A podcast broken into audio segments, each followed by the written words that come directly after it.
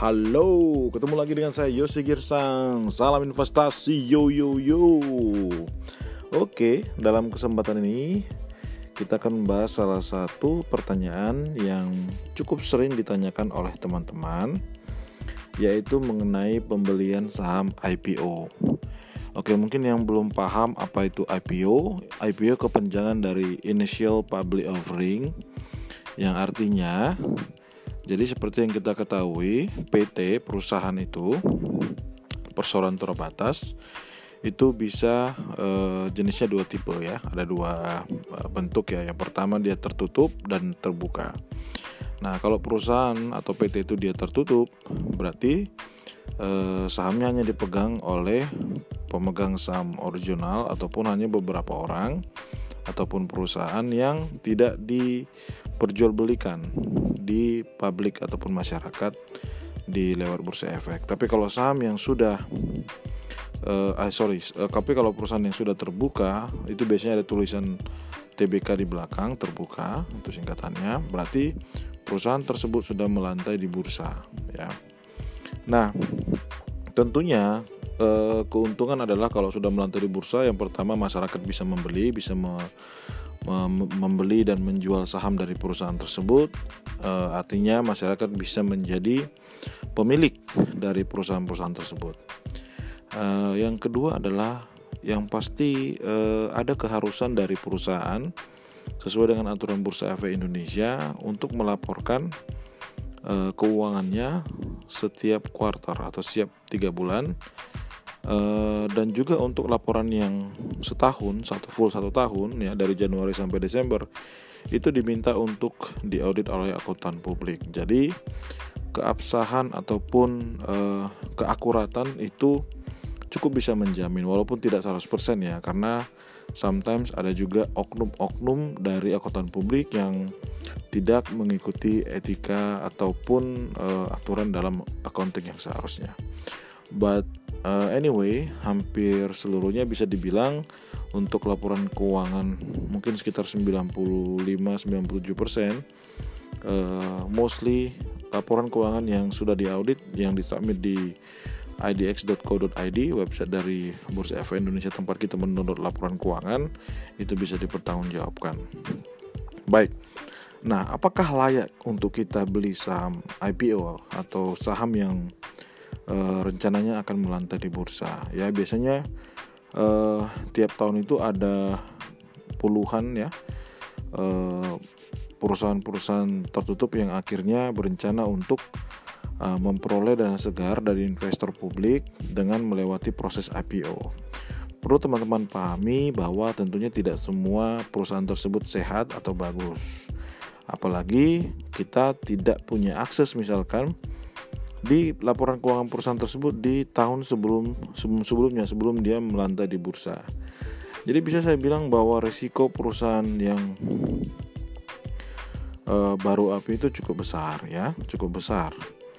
Ya, pertama sangat ada kemungkinan atau potensinya sangat besar bahwa kalaupun misalkan kita di sharing laporan keuangan di tiga tahun lima tahun dari perusahaan tersebut sebelum dia IPO besar kemungkinan ya dalam tanda kutip kita tidak 100% bisa percayalah gitu ya.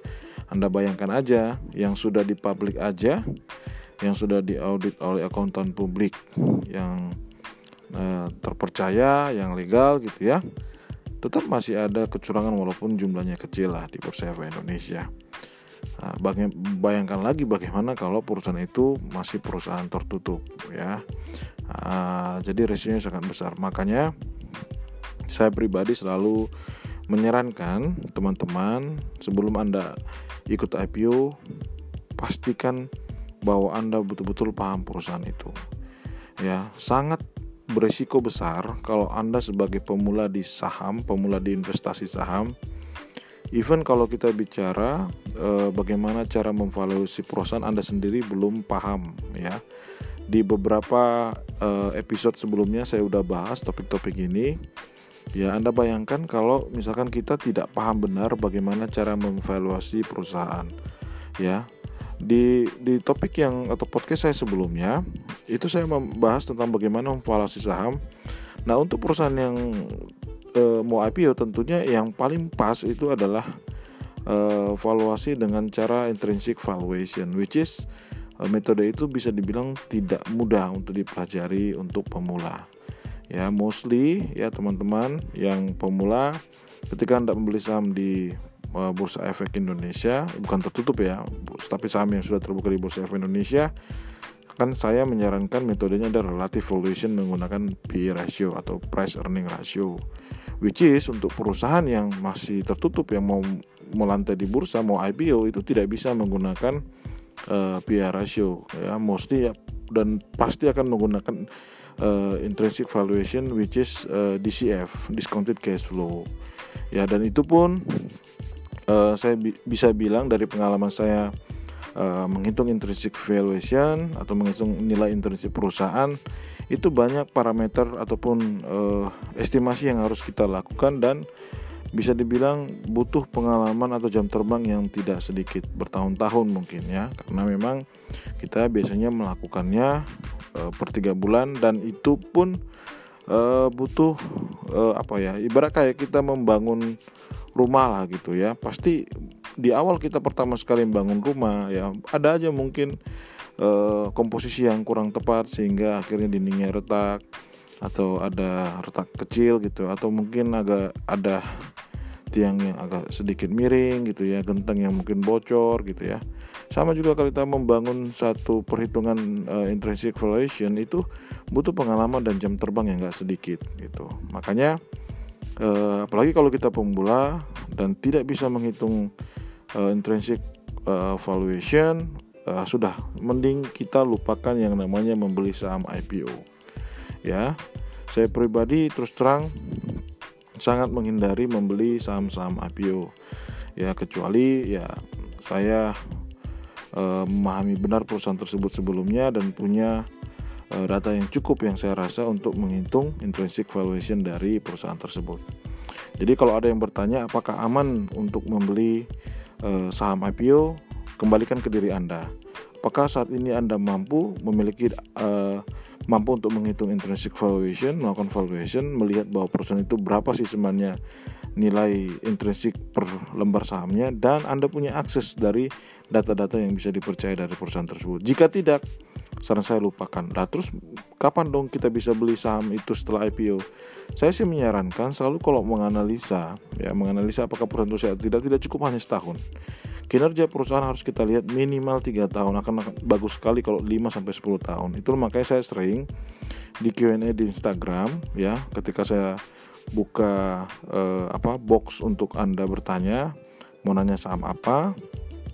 Eh, biasanya kalau misalkan ada pertanyaan satu dua saham yang usianya masih sekitar setahun di bursa atau dua tahun di bursa, saya pasti akan berikan komen bahwa perusahaan ini masih baru di bursa, baru dua tahun. Saran saya kinerjanya dilihat sampai minimal tiga tahun dulu baru kita uh, melihat apakah perusahaan ini kinerjanya konsisten, sehat dan bertumbuh ya. Saya sudah jelaskan di topik sebelum-sebelumnya. Anda bisa lihat bagaimana cara untuk memilih perusahaan yang sehat yang bagus untuk investasi jangka panjang. Oke, mungkin itu kesimpulan yang bisa saya sampaikan kepada teman-teman ya jauhi uh, eh, IPO kalau memang Anda tidak bisa menghitung nilai intrinsik perusahaan dan tidak punya akses data yang yang cukup untuk uh, Anda untuk menghitung karena sudah pasti itu bisa dikatakan Anda berspekulasi ya. Dan ketahuilah uh, ada banyak kasus-kasus di mana setelah IPO itu malah sahamnya turun drastis karena harga yang ditawarkan di pasar IPO itu uh, di pasar saham ketika IPO itu jauh lebih tinggi dibandingkan intrinsic valuasi valuation dari intrinsic value dari perusahaan itu sebenarnya. Terima kasih sudah uh, mendengarkan podcast saya. Semoga bermanfaat. Salam investasi Yosi Girsang.